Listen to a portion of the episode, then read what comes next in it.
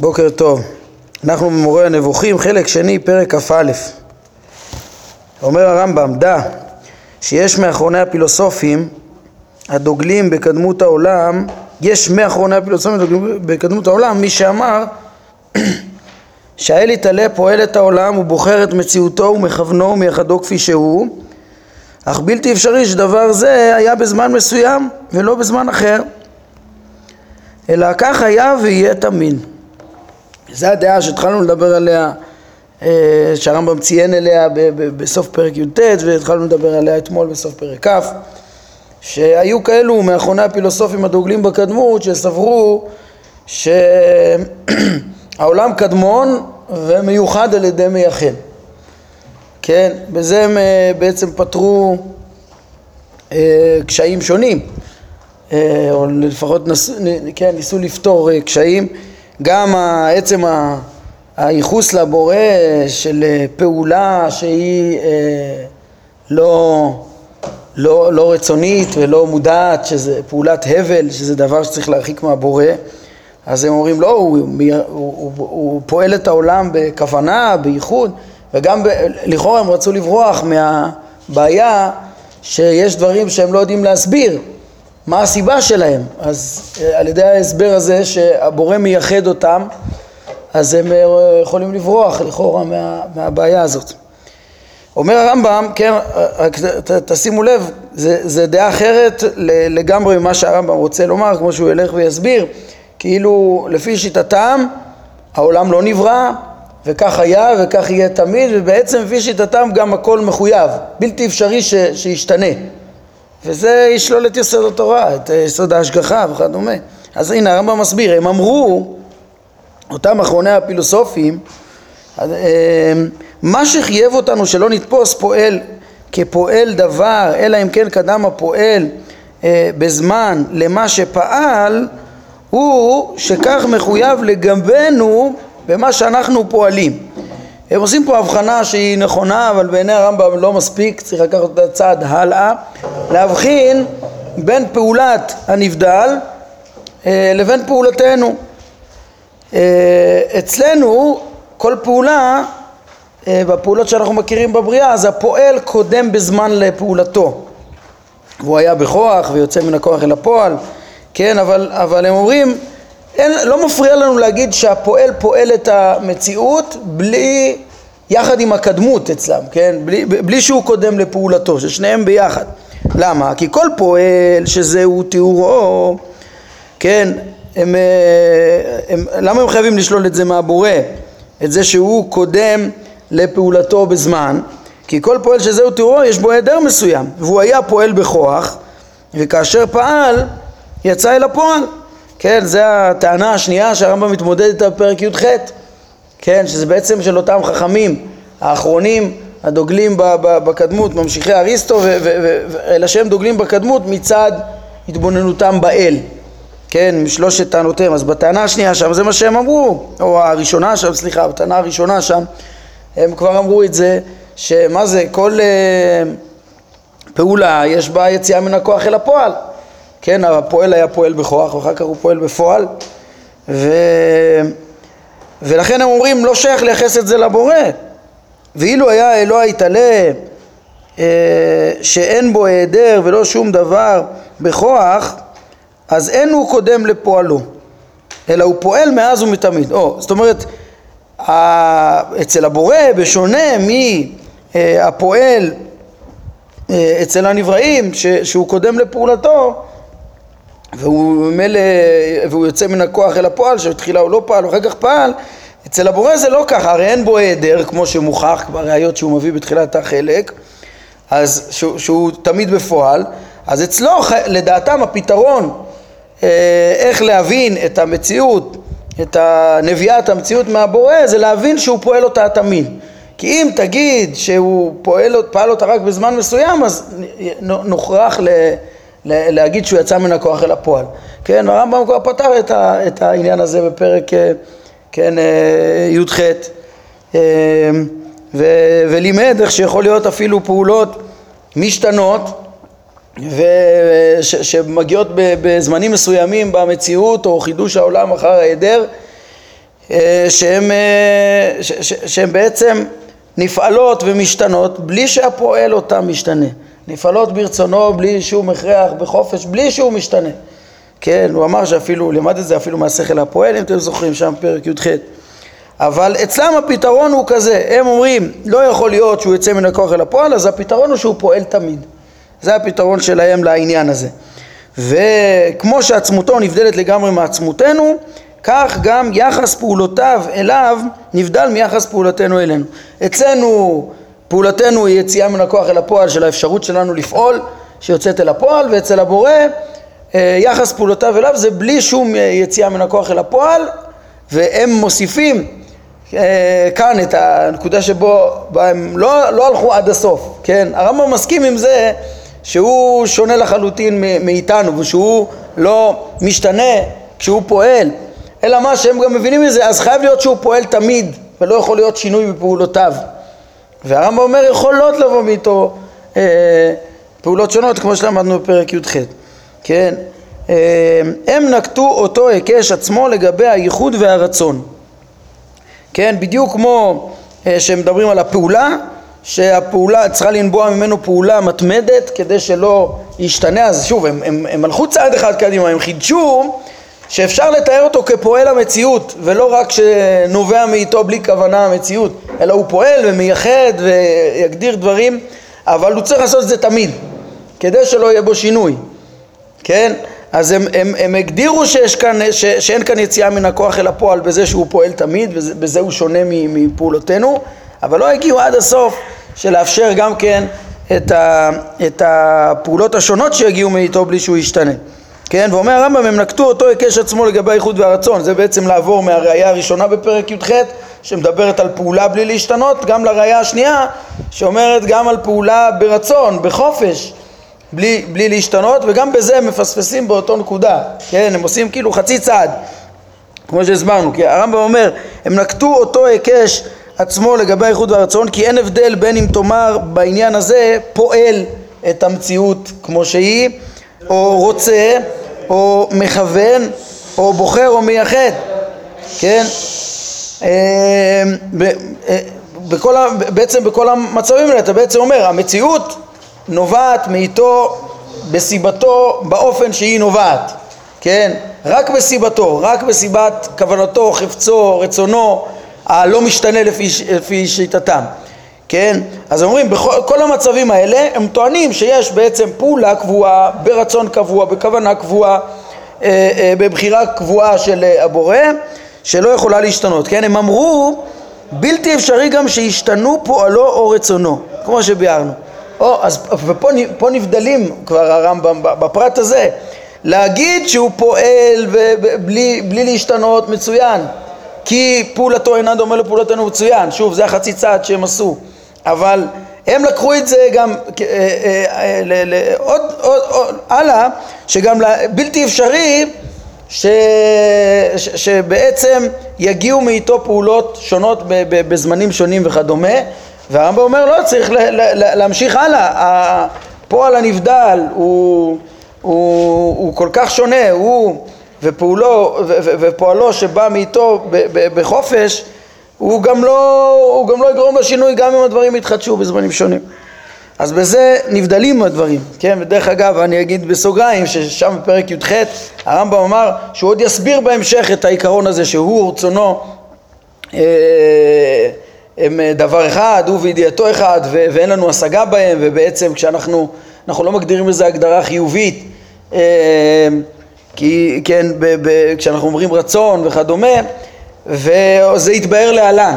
אז, אז, אז במהדורה הזאת, וראיתי אחר כך שזה גם הרב קפח וגם אה, שוורץ, הפנו לכאן, כאילו כאן הוא יבהר שהוא ורצונו וחפצו אחד. זה נראה לי לא נכון, כי, כי, כי כאן הוא בכלל מתאר שיטה אחרת של אחרוני הפילוסופים שאומנם אומרים, אומרים שעצמותו שונה מ... מ, מ מאיתנו ורצונו מרצוננו, אבל פה הם אומרים את זה במשמעות של רצון פועל תמיד, שלא יכול להשתנות, לא לכאן כנראה הרמב"ם הפנה, אלא כמו שאמרנו שם, הוא הפנה את זה לפרקי ההשגחה, ששם הוא מבאר את, ה, את, את האמירה שלו בצורה יותר מלאה, איך שהיא מאפשרת את ההשגחה. סגור סוגריים. כן, על כל פנים הרמב"ם מציג את, ה, את הדעה של אחרוני הפילוסופים שאומרים, אה, כמו שאמרנו, הם מנסים לשלב בין להגיד שיש קדמות ורצון ביחד. כן, מה שהרמב"ם אמר בסוף פרק י"ט שהוא יחקור. האם זה אפשרי דבר כזה? הוא רוצה להגיד שה, שאותם אה, אה, אה, ושונויות שיש בנבראים, שאי אפשר למצוא להם סיבה מהברואים, כמו אה, כל חילוקי תנועות גרמי השמיים ומיקומי הכוכבים, אז הם מעידים על אה, כוונת מכוון, כן, ו, וזה יעיד על חידוש העולם.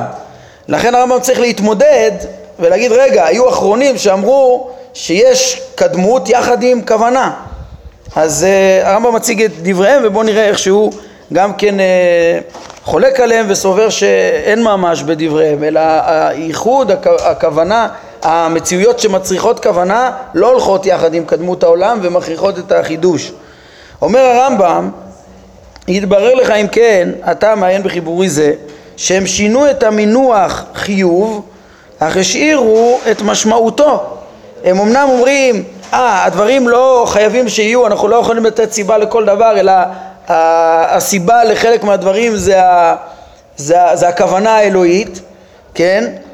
אה, אז זה לא מחויב, זה הבחירה האלוקית, אז הם החליפו את המונח, אבל, לא, אבל השאירו את משמעותו, שהרי לדבריהם לא יכול להיות שיהיה אחרת. בלתי אפשרי שיהיה אחרת, העולם תמיד היה ותמיד יהיה והבורא לא יכול לשנות אותו. בלתי אפשרי שישתנה, בלתי אפשרי שינבע ממנו משהו אחר, זה כאילו, זה הכרחי שכך ירצה הבורא, אז בעצם הם השאירו את משמעות החיוב, כל המציאות לא יכולה להשתנות, הבורא לא יכול לבחור ולא יכול, כן, זאת אומרת אין לו חופש, אולי הוא, זה כמו המשל שהוא הביא בסוף פרק הקודם, שאדם ש, ששמח באיבריו וחושיו, אבל הוא לא יוצר אותם והוא לא יכול לבחור אחרת שלא יהיה לו אותם וכדומה. אז הם השאירו, הם, הם, הם שינו את המינוח חיוב, אך השאירו את משמעותו. אולי מטרתם הייתה לייפות את הביטוי שזה יהיה נשמע טוב, או לסלק מוזרות. כן, סילוק המוזרות זה מה שפתחתי קודם, שהסברתי שהם רצו, זה, איזה מוזרות זה ל, ל, להגיד שהבורא פועל שלא במודעות, שלא בכוונה. הם רצו לפתור את הדבר הזה, שזה נקודה חשובה, אבל הם לא פתרו אותו, הרמב"ם רוצה לומר. לא מספיק, כי, כי הם, הם השאירו אותו מוכרח וכפוי ו, ובעצם בעצם בטענה שהכל נובע ממנו בדרך חיוב, גם מרצונו או מבחירתו, הכל מחויב שיהיה ולא יכול להיות אחרת. זה, זה לא הכוונה שאנחנו רוצים, שהרמב"ם רוצה לטעון, ש, שעולה ומוכחת מה, מה, מה, מהשונות שיש בגרמי השמיים. כן, הרמב"ם אומר כי משמעות היות המציאות הזאת מחויבת מידית מהעילה שלה באשר העילה תמידית הוא האלוה כדברי אריסטו היא משמעות דבריהם שהעולם הוא מפעולה, מפעולת העולה, האלוה או בכוונתו ורצונו ובחירתו וייחודו אלא שהוא היה כך מאז ומקדם ויהיה לעד.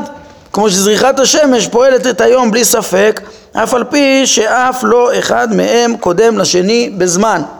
כן אומר הרמב"ם האמירה שלהם, האמירה של אריסטו שהעולם נובע בהכרח מן העילה עילה עלול מן העילה כמו שהיום כן, והם נמצאים תמיד ביחד, העילה בפועל והעלול בפועל. עם העילה בפועל גם מה שנובע ממנה בפועל, כמו שהיום מגיע ביחד עם השמש ואין ביניהם הבדל זמן, זה פשוט ביחד, מגיע היום וזורחת השמש ואז, ואז יש יום. זה הולך תמיד ביחד, העילה והעלול, אז, אז זה בדיוק גם מה, מה שהם אומרים, ש, שתמיד הכרחי שהמציאות כפי שהיא תנבע מהרצון האלוהי כך ולא אחרת בלי אפשרות שינוי. זה בעצם חיוב. אומר הרמב"ם, אך אין זו משמעות הכוונה שאנחנו מכוונים אליה. כן, הרמב"ם רוצה לומר, זה, זה לא המשמעות, הרמב"ם רוצה ל, ל, להחזיר את החופש לפעולה האלוהית ולהבין ש, ש, שהתפיסה הנכונה שעולם המציאות ומהניתוח והזיהוי של השונויות שצריכות סיבה במציאות זה, זה המסקנה של חידוש העולם. התפיסה שלהם זה תפיסה של קדמות שהם רק, כמו שהוא אומר, רק החליפו את המינוח. הוא, נשאר, נשאר ההכרח, זה בעצם מה שנשאר. החיוב, ההכרח, גם אם הוא בוחר בזה ושמח בזה. אבל, אבל מה שאנחנו מחפשים להתווכח ולהבין, שזה גם יסוד התורה, זה להבין שהבורא יכול, כן, לחדש ולשנות את המציאות. הוא חידש אותו אחר שלא היה וממילא הוא יכול לשנות אותו ולהשגיח ולהתערב בו. אומר הרמב"ם אלא רצוננו בזה הוא לטעון שהוא כלומר העולם אינו מתחייב ממנו יתעלה כחיוב העלול מעילתו. שאין הוא יכול להיפרד ממנה ואין הוא יכול להשתנות אלא אם תשתנה עילתו או ישתנה אחד ממצביה. כן אנחנו רוצים לומר שזה לא, כן, זה, זה לא שהעלול מוכרח שינבע מעילתו שהוא לא יכול להשתנות אלא אם היא תשתנה והוא, והרי עילתו לא יכולה להשתנות וגם הוא לא יכול להשתנות. זה לא מה שאנחנו אומרים. כשתבין את העניין כך יוודע שבלתי אפשרי לומר שהעולם מתחייב במציאות האלוה כחיוב העלול מעילתו ושהוא מפעולת האלוה או על ידי ייחודו. כן, זה, זה התברר שזה תרתי דה סתרי, הרמב"ם שאל בסוף פרק י"ט האם אפשר להגיד אה, ייחוד, כוונת מכוון יחד עם הקדמות והוא, והוא, והוא מגיע למסקנה שזה תרתי דה סתרי כי גם האחרונים שאמרו, דיברו על כוונת מכוון, הם לא דיברו על כוונת מכוון מתוך חופש, שאפשר שיהיה כך ואפשר שיהיה כך, ורק הבחירה האלוקית והאיחוד האלוקי אה, אה, אלוקי החליט אה, להכריע לצד מסוים, וממילא כל המציאות כולה וכל החוקיות כולה משתנה כי היא אפשרית, ולעומת אה, כן, תפיסה שהכרחי שינבע כך והוא שמח בזה ורוצה בזה. זה דברים שהם תרתי דה סתרי. להוסיף כוונה, אפשר להוסיף כוונה בתוך החיוב, זה לא מה שאנחנו מדברים וזה לא מה שהרמב"ם טוען ש- שהשונות מלמדת. שצריך, כן. העניין יסתכם איפה? אמ, והדיון, כן, העניין הסתכם פה הכוונה מה שהוא רצה לברר בנושא הזה, שה, שהכוונה וקדמות הן סותרות אחת את השנייה, כן, והדיון מביא אותנו בסופו של דבר לחקירה על השונות הקי, הקיימת בשמיים, שהוכח שיש הכרח בסיבה לכך, כן, חייבים להסביר למה זה, זו הנחה פשוטה שכן, אה, האם הסיבה הזאת היא עילה לשוני הזה וכך יתחייב במציאותה, או שהסיבה הזאת היא הפועל את השוני הזה, המיוחד לו, כפי שאנחנו הולכים אחרי משה רבנו מאמינים, חייבים ל- ל- לחקור עכשיו בסיבה הזאת, האם, לא משנה אם הסיבה היא, היא, היא, היא קדמות או, או, או, או בעצם בחירת הבורא, חייב שתהיה סיבה, כן, ו, וצריך עכשיו לדון מהי, כן, האם היא, האם היא ברצון, בבחירה, אם יש אפשר, הייתה אפשרות אחרת, או שרק הכרחי ובלתי אפשרי שיהיה אה, אלא, אלא כקדמות. כן, אומר הרמב"ם, נדבר על כך אה, אחרי שנקדים הקדמה, שבה נבהר לך את משמעות החיוב שאריסטו מחזיק בו עד שתתפוס אותו. כן, עוד הרמב"ם הולך ו, ומברר משהו שהניח מתחילת פרק י"ט, שאומר יש מושג של חיוב שאצלו לכל דבר צריך להיות סיבה, אה, עילה ועלול, לבין, אה, כן, והכל מוכרח ומחויב בלי אפשרות, ולכן המציאות גם חייבת להיות קדומה מאז ומעולם ולנצח. ויש מושג של חופש שנובע מכוונה ש, אה, ש, שמכריעה בין אפשרויות שונות, כי יש אפשרות ביסודה. הדבר הזה, אומר הרמב"ם, ברגע שאני אמצא דברים שאין להם סיבה, במציאות שונויות שצריכות סיבה ואין להם סיבה אוטומטית, אני יוכיח, אה, כן, לכאורה זה יהיה טענה ש, ש, שמתאימה לחידוש העולם. אלא מה שהוא צריך מ, מ, מסוף פרק י"ט, גם אחרי שהוא קצת הצביע על השונות בשמיים, שאו מרום עיניכם וראו מברא אלה, אז הרמב"ם אה, אומר לנו, אה, הרמב"ם אומר לנו צריך לדייק בזה יותר, צריך להבין בדיוק את המשמעות של החיוב כדי שנבין איך השונות מעידה על החידוש. לכן הוא הולך ושוב מברר, תתפסו היטב את ה... את החיוב של אריסטו ואחר כך החל לבאר לך את הכרעתי לכיוון הדעה שהעולם מחודש בראיות עיוניות פילוסופיות נקיות מסילוף. כן, מיד בפרק אה, כ"ב ירחיב הרמב"ם בכל ה... אה, איך קראנו לזה? החורים בתוך ה... ה... התפיסת העולם של, אה, של אריסטו, הכוללת של המציאות, איך, איפה, איפה אין הסברים סיבתיים, איפה הנקודות שהוא לא הצליח להסביר אה, שנובעים קהילה אה, מעלול, אז יש, בפרק י"ט פגשנו רק את, ה, את השונות שבשמיים, הרמב"ם יראה שיש עוד חורים בכל התפיסה של כלל ההשתלשלות, אה, מהסיבה הראשונה, כל הזכלים הנבדלים, הגלגלים והיסודות, כל המבנה של המציאות, יש בו עוד חורים וקשיים לפי התפיסה הזאת. אז צריך להבהיר קודם כל היטב את תפיסת אריסטו לפני שהרמב"ם הולך ומקשה עליה מכל הצדדים בפרק הבא.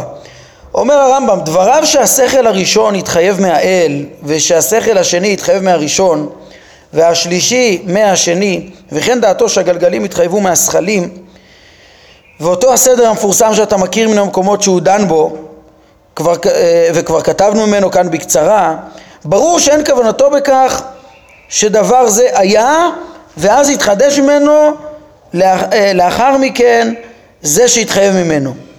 כי אין הוא אומר אה, על אף אחד מהם שהוא מחודש. כן, זו הבהרה שבעצם כבר אה, ביארנו אותה, נגענו בה כמה פעמים. הרמב"ם מדבר פה על הסדר, על המבנה של המציאות שאריסטו מתאר איך שופע שכל משכל לשכל משכל עד הסיבה הראשונה.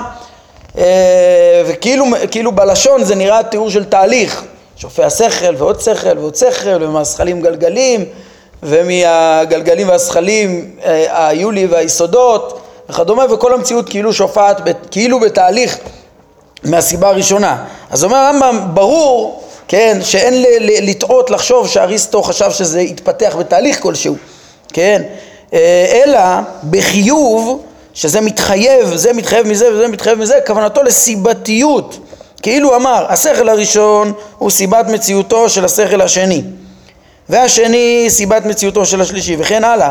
והם הדברים לגבי הגלגלים והחומר הראשון, הכל זה פשוט מה, מה סיבתו של מה, מה קיים מכוח מה, כמו האור של היום שקיים מכוח השמש וזה בא ביחד, כן, ולשיטתו שום דבר מכל זה לא קדם לחברו ואינו נמצא בלעדיו, אלא הכרחי שיהיה ביחד. אם העילות גם קיימים העלולים, הכל תמיד. הדבר דומה לכך שמישהו יאמר שמן האיכויות הראשוניות התחייבו כן, אה, החספוס והחלקות והקושי והרכות והסמיכות והדלילות. בדוגמה הזאת הרמב"ם אומר שאין לאף אחד ספק שהללו, כלומר החום והקור והלחות והיובש, כן, הם האיכויות הראשונות, אין ספק שהם המחדשים את החספוס והחלקות והקושי והסמיכות והדלילות האלה וכל מה שדומה לכך, כן, שהם התחייבו מאותן ארבע איכויות אה, ראשונות. אה, אף על פי שלא ייתכן שימצא גוף אה, רק שנייה, אין לה, כן אה, אף על פי שלא ייתכן שימצא גוף בעל ארבע האיכויות הראשוניות האלה הוא מופשט מן האיכויות המשניות מה הדוגמה הזאת בעצם אומר?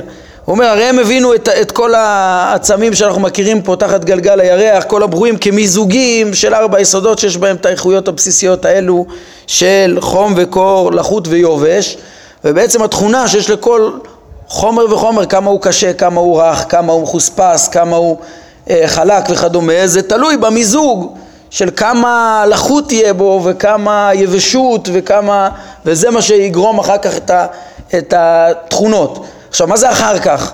אז ברור, ברור להם כאילו שמבחינה סיבתית התכונות של החספוס והחלקות וה, וה, וכדומה הם תוצאות של התכונות של היסודות הממוזגים כן? אבל לא שזה, כן? ו- וזה נובע מזה, אבל זה לא, אף פעם לא קדם לזה. תמיד לכל אה, אה, נברא מארבע יסודות, יש לו גם את המקרים הנוספים, כן? כמה הוא יהיה חלק וכמה יהיה מחוספס.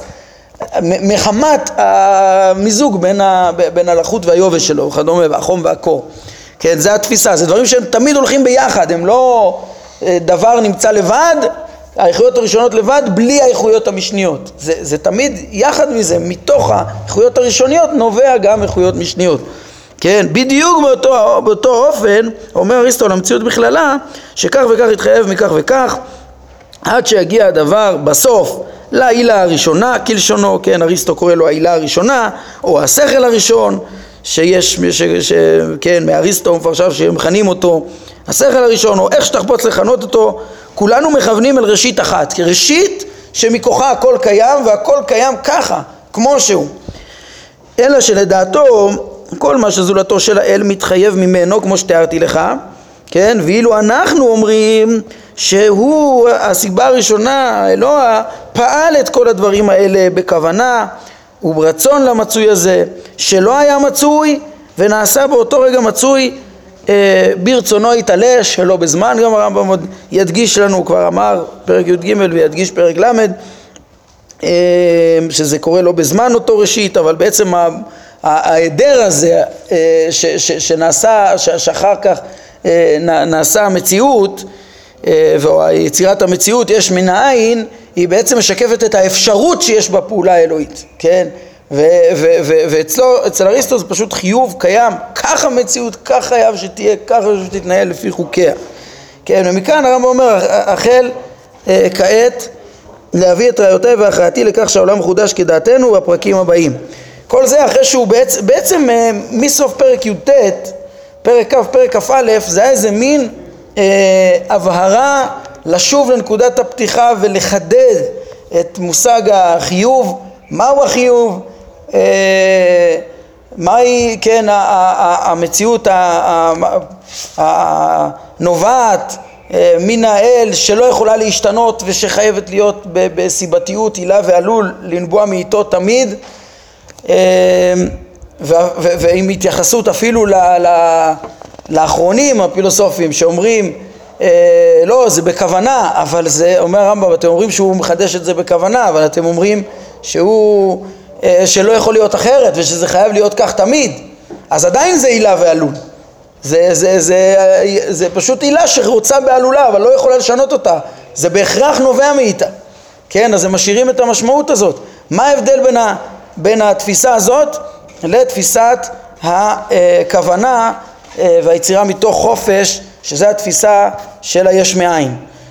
אה, אני רוצה בדקות הקצרות שנשאר לנו, צריך לעיין קצת ולהעמיק במה שהרמב"ם אה, אמר בדברים האלה כי מכאן הוא ימשיך בדברים פשוטים ויפים איך שאנחנו נראה בפרק כ"ב הוא יפרט את כל החורים שאי אפשר לתת להם עילה, סיבה משכנעת בכל ההתבוננות של השתלשלות המציאות מהבורא וכלל החוקיות של המציאות לפי אריסטו, יראה שיש בזה הרבה חורים שאתה צריך כוונת מייחד.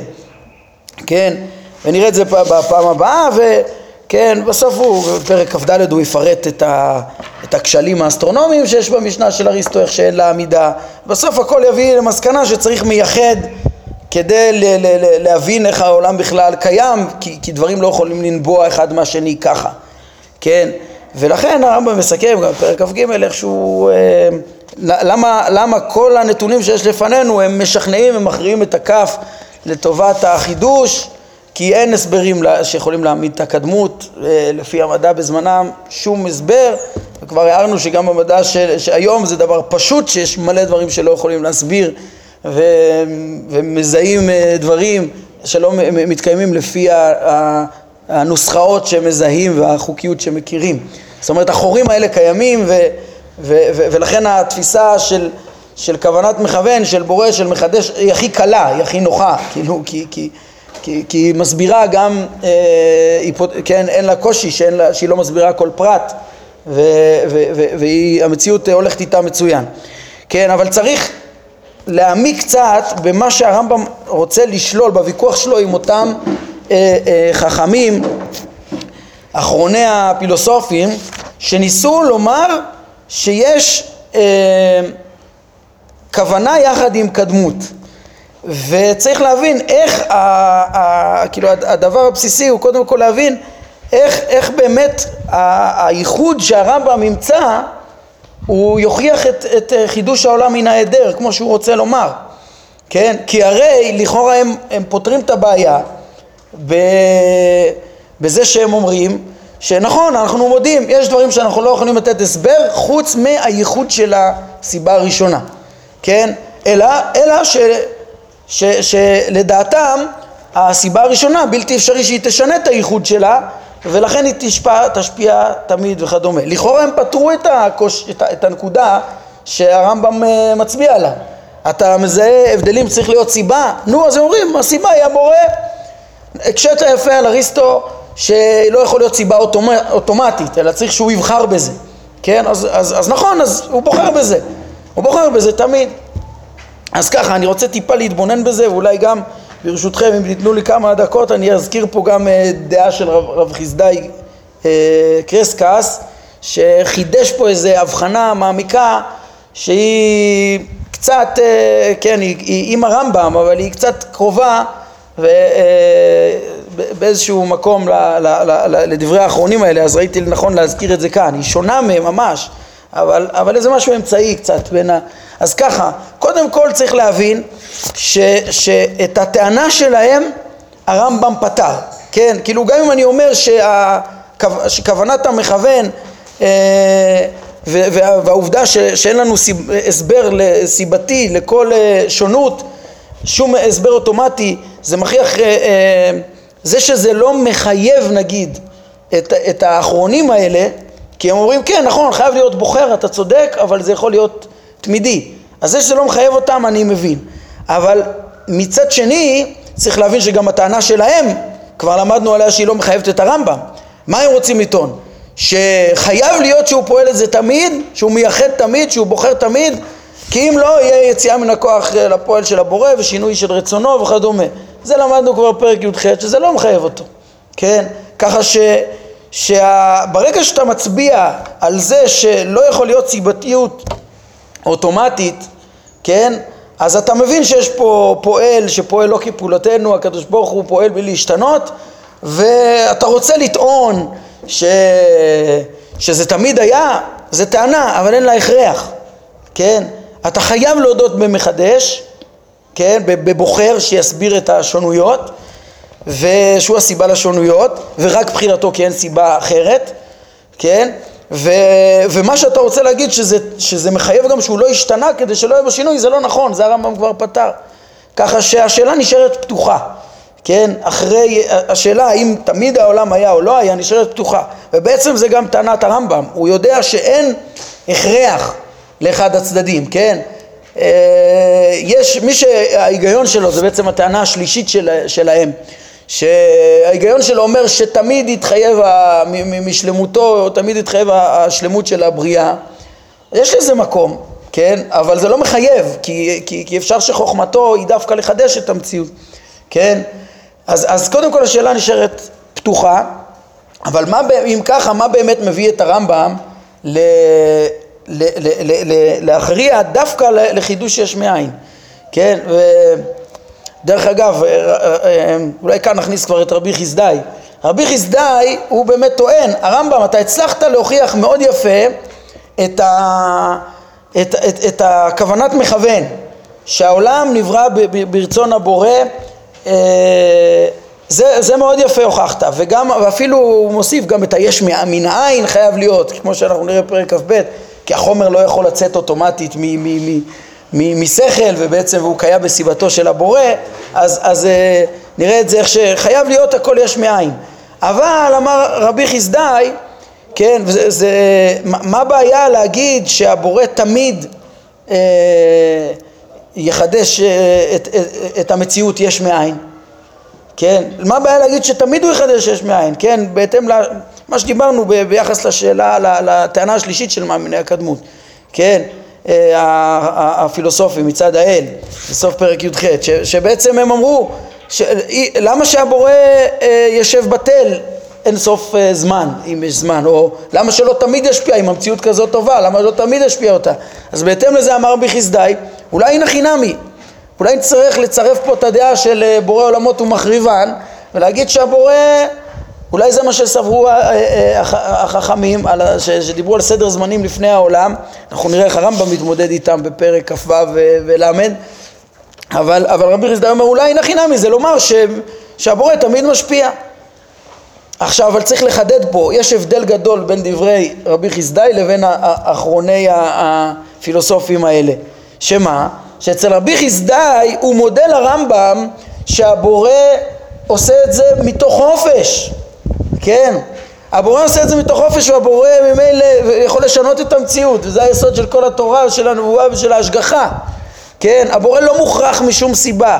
כן, אם הם טענו שזה יגרום לו שינוי, לא, זה פשוט לרבי חסדאי אה, שהרמב"ם צודק, ברור שהבורא יכול לפעול פעולות שונות בלי להשתנות, ברור שהוא יכול לחדש יש מאין, כן, אלא ש, ש, ש, שזה עיקר מה שהרמב"ם רוצה ל, ל, ל, לדבר, על, על כוונה חופשית מתוך חופש, כן?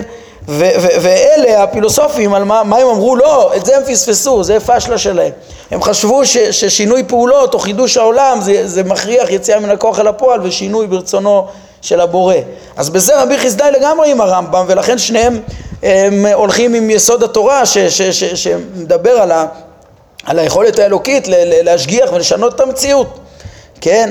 אלא שבפרט אחד הוסיף רבי חסדאי ואמר, כן, אני הולך עם הרמב"ם בזה שהמציאות היא אפשרית והבורא בוחר בה לחלוטין, כוונת מכוון כמו שהרמב"ם רוצה להבין, שהבורא בוחר בה, אלא שיחד עם זה אפשר אולי לומר שהוא רצה בזה תמיד על דרך החסד, מתוך חופש, מרצונו הפשוט, ש...